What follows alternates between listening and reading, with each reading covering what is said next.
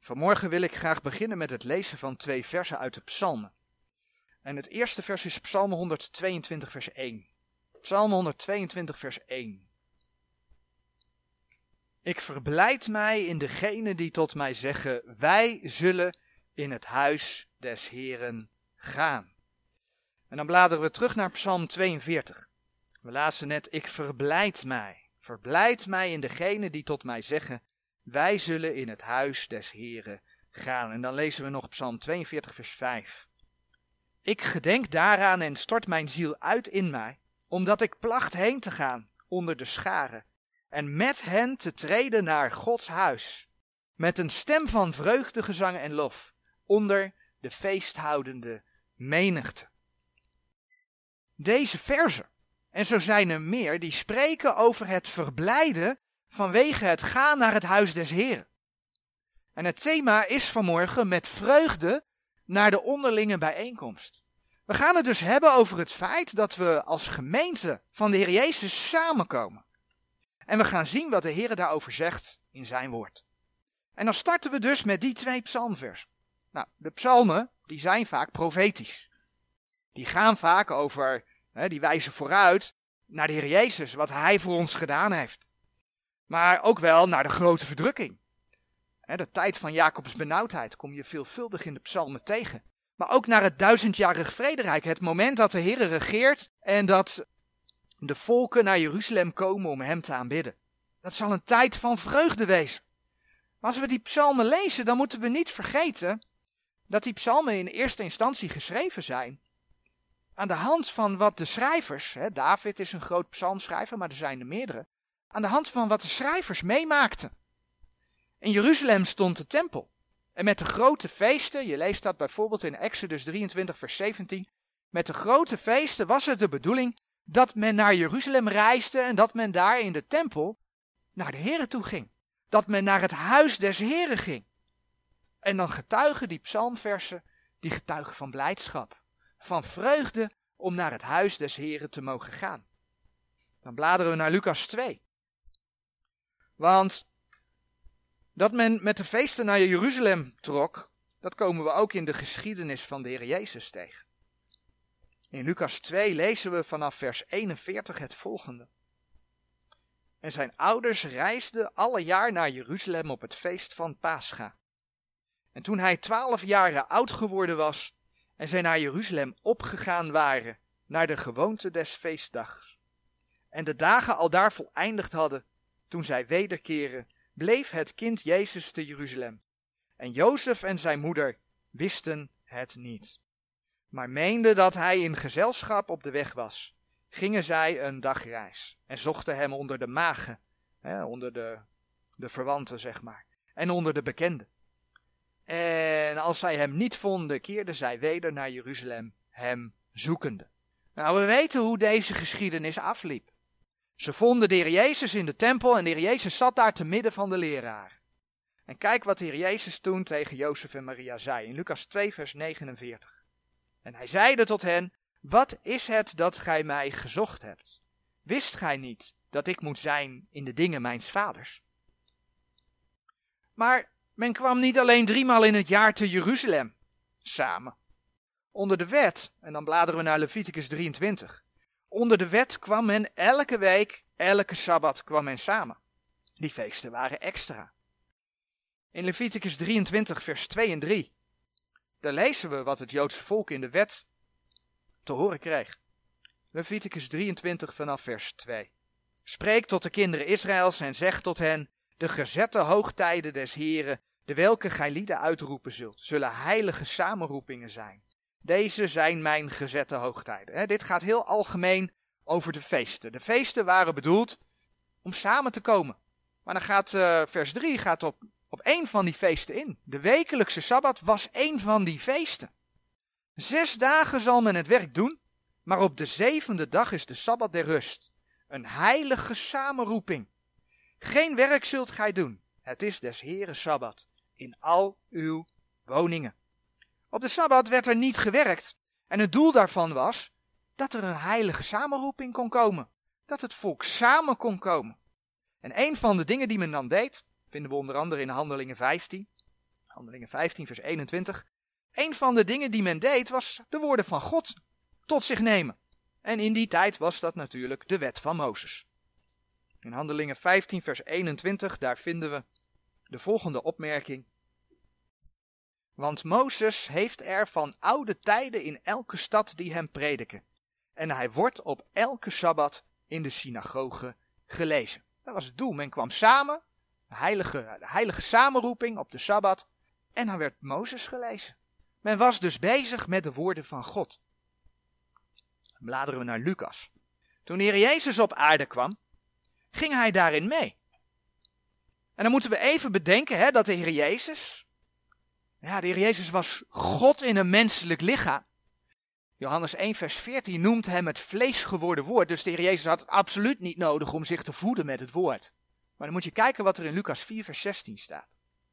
In Lucas 4, vers 16 wordt over de Heer Jezus gezegd. En hij kwam te Nazareth, waar hij opgevoed was, en ging naar zijn gewoonte. Op de dag des Sabbats in de synagoge en stond op om te lezen.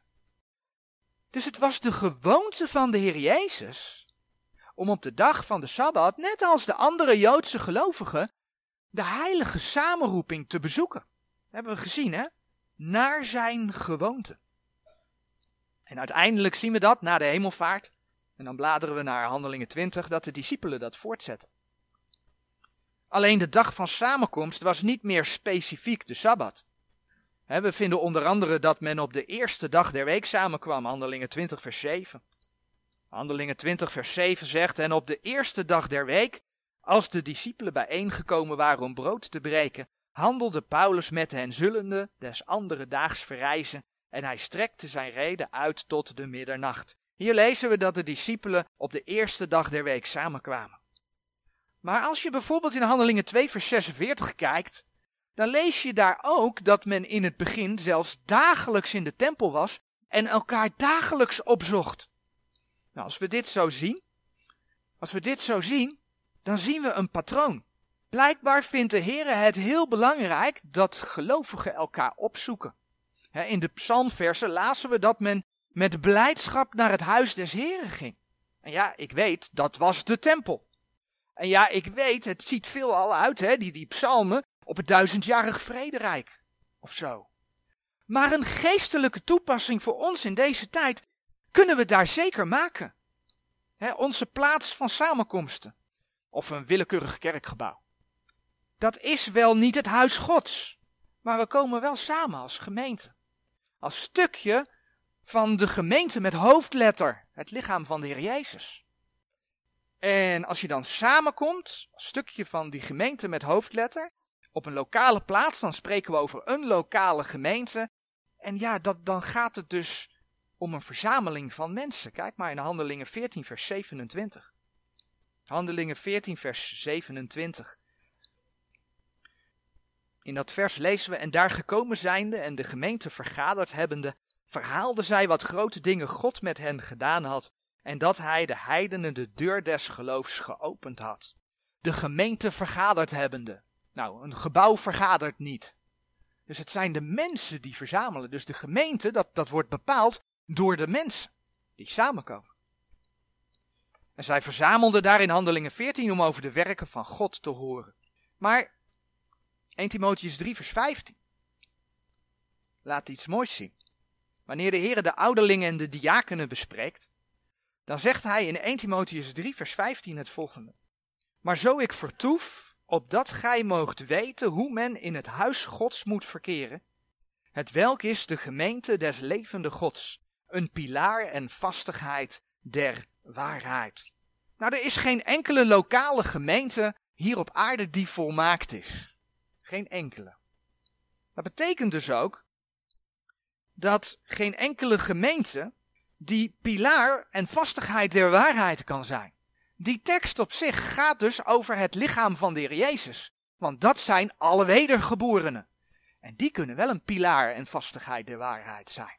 Maar dit vers, wat over de gemeente met hoofdletter gaat, over het lichaam van de Heer Jezus, staat wel in de context van hoe men zich in de lokale gemeente behoort te gedragen. Het gaat over hoe, hoe, hoe ouderlingen en diakenen zich moeten gedragen. Met andere woorden, de gemeente met hoofdletter, het lichaam van de Heer Jezus, wordt hier het huis Gods genoemd. Efeze 2, vers 21 spreekt over een gebouw. hebben we wel bij stilgestaan vorig jaar. Een heilige tempel in de Heer. Efeze 2, vers 22 spreekt over een woonstede Gods in de geest. En die lokale gemeente is daar een afspiegeling van. Want daar komen wederom geboren mensen samen als het goed is. En die zijn daar dan een afspiegeling van. Dus als je als lokale gemeente samenkomt, als kinderen van God, dan kom je dus samen als een stukje van dat geestelijke huis van God. Het gaat niet om het gebouw, maar het gaat dat je als gelovige samen bent. En als gelovige samen, als wederom geboren, vorm je een stukje van het lichaam van dat geestelijke huis van God. Dus je bent samen als een geestelijk huis van God. En dan is de vraag, doe je dat samenkomen met vreugde? Als je gaat, hè, is het dan, hmm, ik moet vandaag ook weer naar de samenkomst. Of is het, yes, ik ga vandaag weer naar de samenkomst. Ik bedoel, daar zit een verschil in. Nou, in Handelingen 2, vers 46 lees je dat de eerste gemeente ook met verheuging samenkwam. Dat deden ze met verheuging. Is het voor jou zo belangrijk om de gemeenschap der heiligen te bezoeken en je samen te kunnen vullen met Gods woorden? Door middel van preken, door middel van zingen, om samen te bidden. Zo belangrijk dat je dat met vreugde doet. Gods woord laat zien dat dat met vreugde gepaard gaat. Ben je zo blij over Gods woord dat je de samenkomst bezoekt, dat je daar blij van bent omdat je met Gods woord bezig gaat? Efeze 4, vers 11 tot en met 15. Dat is een gedeelte waar wij de laatste tijd wel uh, ja, vaker bij stilgestaan hebben. Maar dat gedeelte laat zien dat de Heere herders en leraars gegeven heeft om gelovigen standvastig te maken en te laten groeien in het geloof. Te laten groeien in Christus. Doordat ze, die gelovigen, gevoed worden met Gods woorden. Dat is, dat is de basis waar je mee gevoed wordt. Ja, en daar is die onderlinge bijeenkomst voor. Daarnaast, en dan bladeren we naar Colossense, zien we dat het zingen ook helpt. Helpt om je te vullen met de dingen van de Heer. Wanneer Paulus de gemeente te Colosse aanspreekt, dan zegt hij in Colossense 3 vers 16 het volgende. Colossense 3 vers 16. Het woord van Christus wonen rijkelijk in u, in alle wijsheid. Leert en vermaant elkander met psalmen en lofzangen en geestelijke liedekens, zingende de Heere met aangenaamheid in uw hart. Zie je dat de Heere in dit vers ook laat zien dat je dat gezamenlijk doet. En weet je dat het in de hemel ook gebeurt? Dat het daar ook samen gebeurt? Kijk maar in openbaring 5. Openbaring 5 vers 11 en 12. Openbaring 5 vers 11 en 12 zeggen En ik zag en ik hoorde een stem veler engelen rondom de troon en de dieren en de ouderlingen, en hun getal was tienduizendmaal tienduizenden en duizendmaal duizenden, zeggende met een grote stem, het lam dat geslacht is, is waardig te ontvangen de kracht en rijkdom en wijsheid en sterkte en eer en heerlijkheid en dankzegging. Moet je je voorstellen.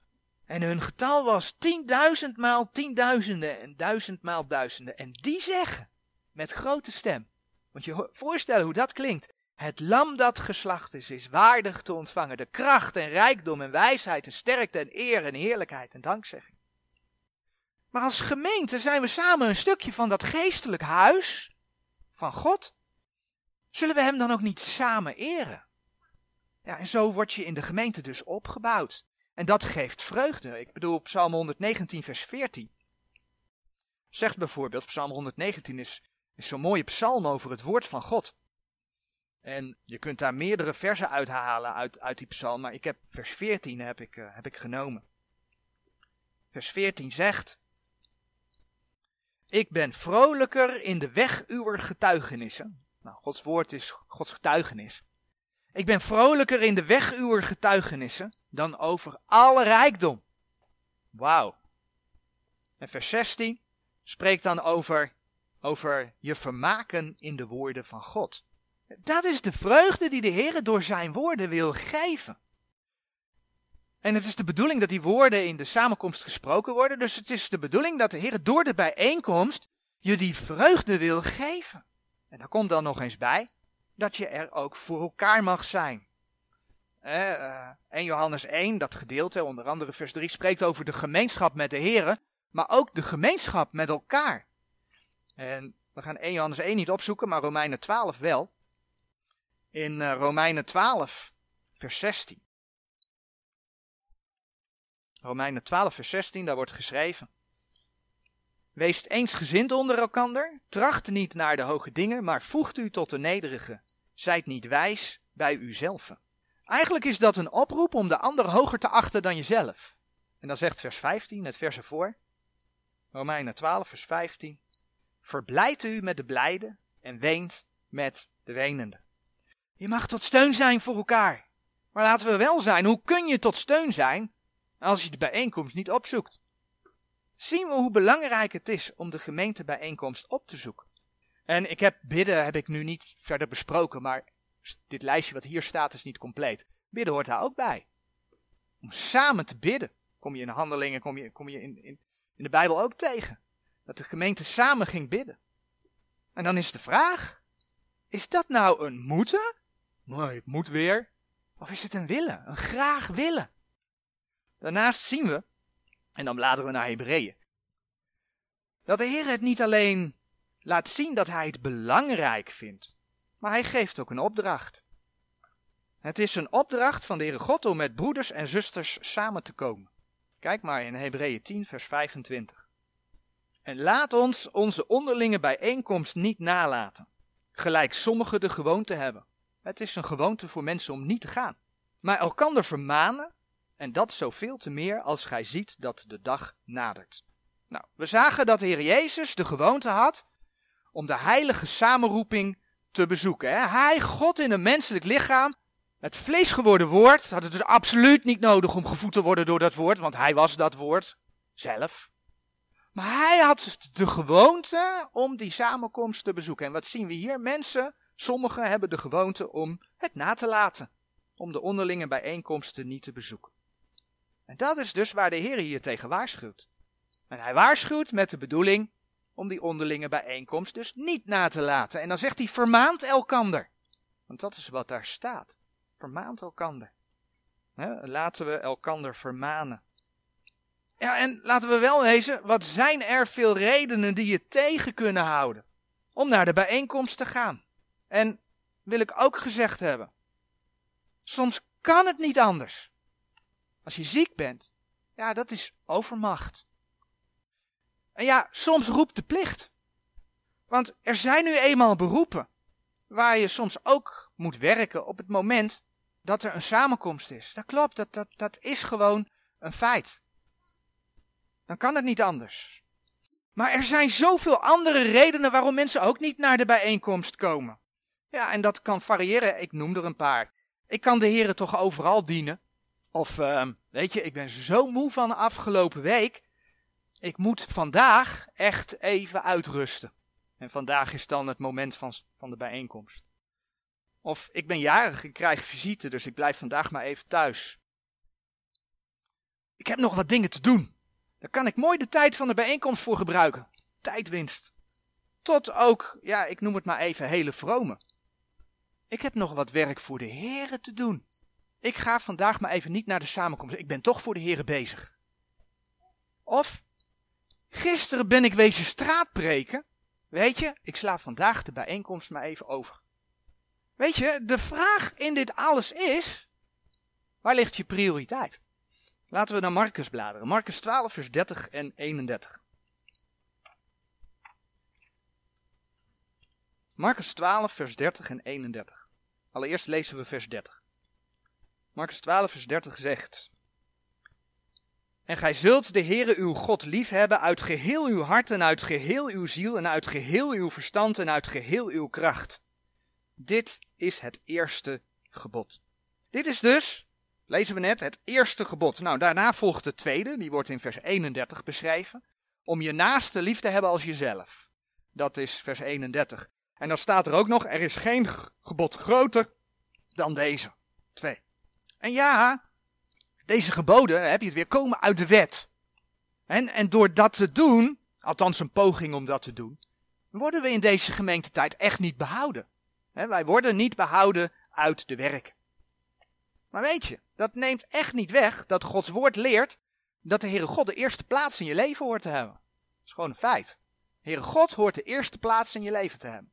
Nou is er zo'n rijtje dat de prioriteiten weergeeft in het leven van een kind van God. Op de eerste plaats staat de Heere God. Op de tweede plaats komt je gezin.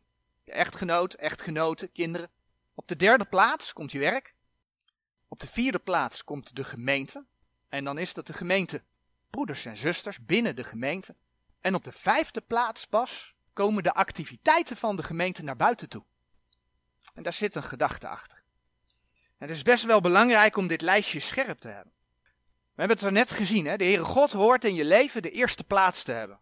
Ik denk ook dat dat geen punt is. Maar daarna komt je gezin. En dan bladeren we naar 1 Timotheus 5 vers 8. Ik zei het net al, echtgenoot, echtgenoten, kinderen. En dan lezen we in uh, eh, 1 Timotheus uh, eh, 5 vers 8 het volgende. Doch zo iemand, de zijne, en voornamelijk zijn huisgenoten niet verzorgt, die heeft het geloof verlogend en is erger dan een ongelovige. Er staat niet dat die gelovige dan verloren is, maar in zijn handelen wandelt hij erger dan een ongelovige. In de context gaat dit vers over weduwen en eigenlijk laat dat dus een bredere familieband zien. Maar als dit in de bredere familie geldt, hoeveel te meer wordt er van je verwacht dat je goed zorgt voor echtgenoot en kinderen. En daarna komt pas je dagelijkse leven. Je werk, je school. En ja, het is belangrijk dat je daar een goed getuigenis hebt. Ik bedoel, als jij geen goed getuigenis hebt binnen je gezin en binnen je werk. Ik bedoel, als jij uh, maar een potje maakt van je werk en de boel bedriegt. En als jij uh, je gezin verwaarloost. Dan heeft het geen zin om in de gemeente actief te zijn en om, om dingen uit te dragen. Want als je getuigenis niet goed is, dan heeft dat weerslag op de boodschap. In 1 Thessalonicense 4 vers 11 en 12 lezen we het volgende. 1 Thessalonicense 4 vers 11. En dat gij u benaarstigt stil te zijn en uw eigen dingen te doen en te werken met uw eigen handen, gelijk wij u bevolen hebben, opdat gij eerlijk wandelt, degene die buiten zijn en geen ding van noden hebt. Waar het me nu met name even om gaat, is dat er dus in vers 12 staat dat gij eerlijk wandelt bij degene die buiten zijn. Dat komt ook neer op wat de Heer tegen de ouderlingen zegt in bijvoorbeeld 1 Timotheus 3 vers 7, dat ze een goede getuigenis moeten hebben bij degene die buiten zijn. Dat geldt dus eigenlijk voor ieder gemeentelid. Het is niet zo bijzonder dat de Heer dat dus ook van de ouderlingen vraagt, zeker van de ouderlingen vraagt. Want dan kun je vanuit je geloof, wat je weet van Gods woord, ook dingen voor anderen gaan doen. En dan hebben we hier de volgorde, eerst binnen de gemeente, dan buiten. Als je dingen voor anderen gaat doen, dan geldt dat de huisgenoten des geloofs voorgaan. Galaten 6 vers 10. Galaten 6 vers 10. Zodan terwijl wij tijd hebben, laat ons goed doen aan alle, alle mensen, alle, maar dan komt hij, maar meest aan de huisgenoten des geloofs. Helpen in de gemeente. Andere broeders en zusters helpen. En pas daarna gaan we mee met de activiteiten van de gemeente naar buiten toe. Ik denk bijvoorbeeld hè, in ons geval aan het straatpreken. Straatpreken staat dus echt op de laatste plaats. Want hoe wil je op straat een getuige zijn als je het met de Heere God niet in orde hebt? Als je je niet laat voeden met Gods woord? Als je je gezin verwaarloost? Als je van je werk een potje maakt? Ik op straat kun je ook collega's tegenkomen. Als je je broeders en zusters met de rug aankijkt. Dat kan niet. Zie je hoe daar een, een, een, een, een, een duidelijke volgorde in zit? Maar waarom vertel ik dit? De vraag vandaag is, we hebben het over het bezoeken van de onderlinge bijeenkomst. Waar zit in dit lijstje nu het bezoeken van de onderlinge bijeenkomst? Zit dat op de hoogte van de gemeente? Of zit dat op de hoogte van God, de Heere God? Zoals we gezien hebben, geeft de Heer in zijn woord allereerst aan hoe belangrijk hij het vindt dat je de bijeenkomst bezoekt. Maar vervolgens is er ook de opdracht in Gods woord, om de onderlinge bijeenkomst niet na te laten. Als je dus een goede relatie wilt hebben met de Heere God, die in je leven op de eerste plaats zou moeten staan, hè, Marcus 12, vers 30, dan hoor je dus ook toch gehoor te geven aan zijn opdracht om de gemeente te bezoeken. Ik bedoel, Als je als kind van God zijn woord niet in de praktijk bent, ben je heus wel een kind van God. Maar dan moet je je wel afvragen, hoe zit het nou met die relatie die je met de Heere God hebt? Want jij vindt blijkbaar het een, terwijl de Heere God het andere vindt. Dat hebben we in Hebreeën 10 vers 25 duidelijk gelezen. Wat je als mens eigenlijk moet leren, is eerst te rusten bij de Heer. En daarna pas te gaan lopen voor de Heer. En daar zullen we zo nog een mooi schriftgedeelte bij lezen.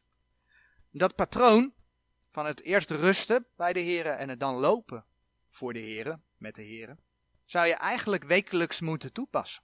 Ik bedoel, als je door de week zo druk bent, met allerlei aardse dingen, dat je speciaal op zondagmorgen moet bijkomen, dan klopt er iets in jouw schema niet.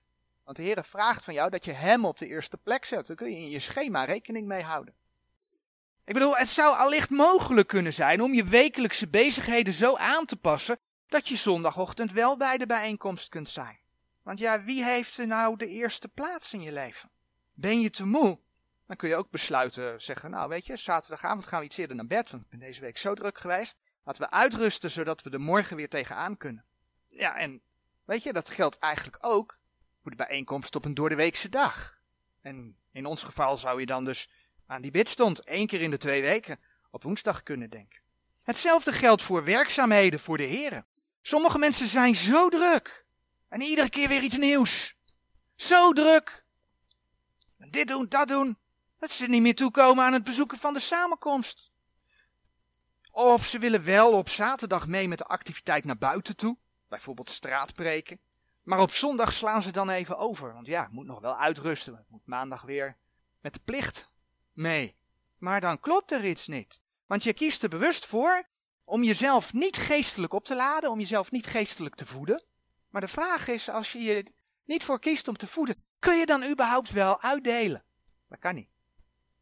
En misschien dat er iemand zegt, ja maar weet je, ik lees mijn Bijbel wel, ik heb mijn stille tijd. En dat is heel goed dat je dat doet. Dat is een onderdeel inderdaad van het je voeden met de woorden Gods. Maar de Heer heeft niet voor niets die opdracht gegeven om de onderlinge bijeenkomst niet na te laten. En ja, dat is zijn woord. Hij wil dat je je daaronder geschikt aan opstelt, om zo te groeien in de dingen van Hem. Nou, een mooi voorbeeld daarvan vinden we in Lucas 10. Dat is de geschiedenis van uh, Maria en Martha. Lucas 10. Lucas 10 vanaf vers 38. In Lucas 10 vanaf vers 38 lezen we het volgende.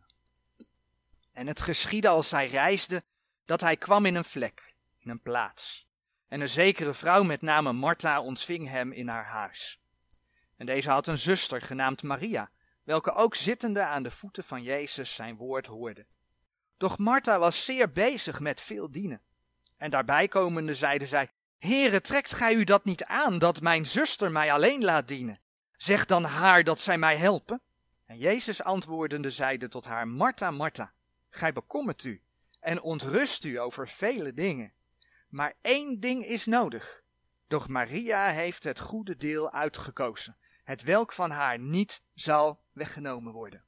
Weet je, Maria luisterde naar de woorden van de Heer Jezus, tot ergernis van Martha die druk bezig was met dienen. En dan zegt de Heer tegen Martha over Maria, maar één ding is nodig. Doch Maria heeft het goede deel uitgekozen, het welk van haar niet zal weggenomen worden. Maria luisterde. Ze luisterde naar de woorden van de Heer Jezus. En weet je, daarna kan er altijd nog gediend worden. En dat principe zien we dus ook in het bezoeken van de onderlinge bijeenkomst. Het is bedoeling dat je de, de bedoeling dat je de tijd neemt om te luisteren naar de woorden van God. Om je op die momenten op te laden, om je te voeden en daarna kan er gediend worden. Dat is de juiste Bijbelse volgorde. En misschien betekent dat wel dat je in eerste instantie, kijkend naar de situatie waar je in zit, dat je in eerste instantie gewoon een stapje terug moet doen. Wat minder moet gaan dienen. Om in de rust te komen, om te leren de tijd in de gemeente te gebruiken om te luisteren. Want het is belangrijk dat je leert om daar prioriteiten in te stellen. Want wie staat er in jouw leven nu op de eerste plaats? Die vraag is belangrijk voor je relatie met de Heer.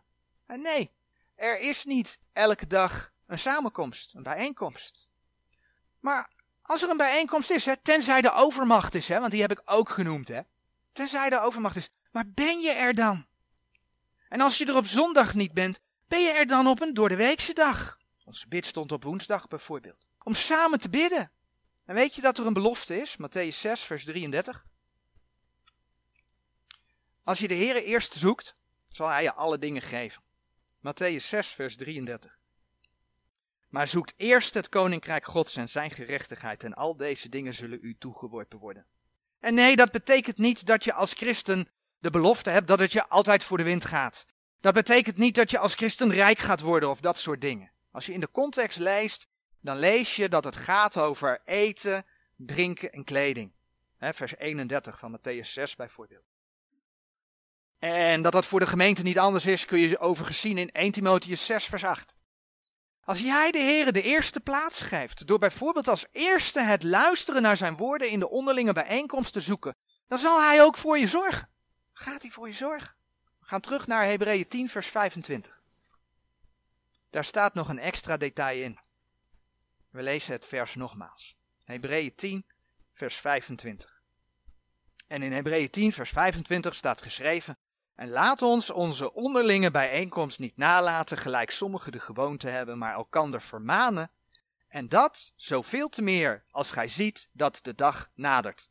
Dat laatste stukje. En dat zoveel te meer als gij ziet dat de dag nadert. Daar hebben we het nog niet over gehad. Als we in deze wereld om ons heen kijken, dan zien we alles zich voorbereiden op die grote eindstrijd die er gaat komen. Dat moment dat Heer Jezus gaat terugkomen.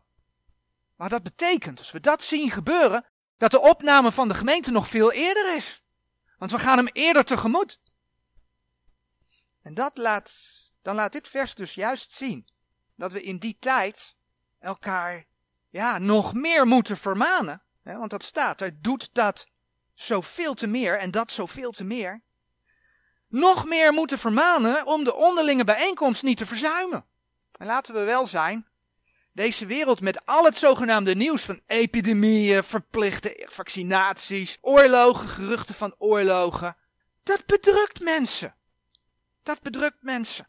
En het is ook iedere keer weer anders. De regels die veranderen met de twee weken. Het maakt onrustig. En wat de Heere God wil, is je rust geven. Als laatste vers zoeken we op Spreuken 11, vers 25. Spreuken 11, vers 25. Sorry, Spreuken 12, vers 25 moet dat zijn. Bekommernis in het hart des mensen buigt het neder, maar een goed woord verblijdt het. Is dat niet een reden om met vreugde de onderlinge bijeenkomsten trouw te bezoeken? We hebben het zo nodig om in deze tijd, hè, afval van het geloof, om gevoed te worden door het vaste woord. Dat is waar we voor staan. Dat is ook de boodschap die we hebben. Dat is iets waar ik niet van af kan wijken. We hebben Gods woord ontvangen, dat is vast. We hebben het zo nodig om te midden van een duistere wereld gezamenlijk de Heer te kunnen loven en prijzen. Maar ook om elkaar te kunnen bemoedigen. Als we de juiste prioriteiten stellen, geloof ik op grond van Gods woord, dat in deze laatste dagen van de gemeentetijd, dat dat vreugde geeft. Want dat is wat Gods woord laat zien. Dat is wat Gods woord laat zien. Dat geeft vreugde. Amen.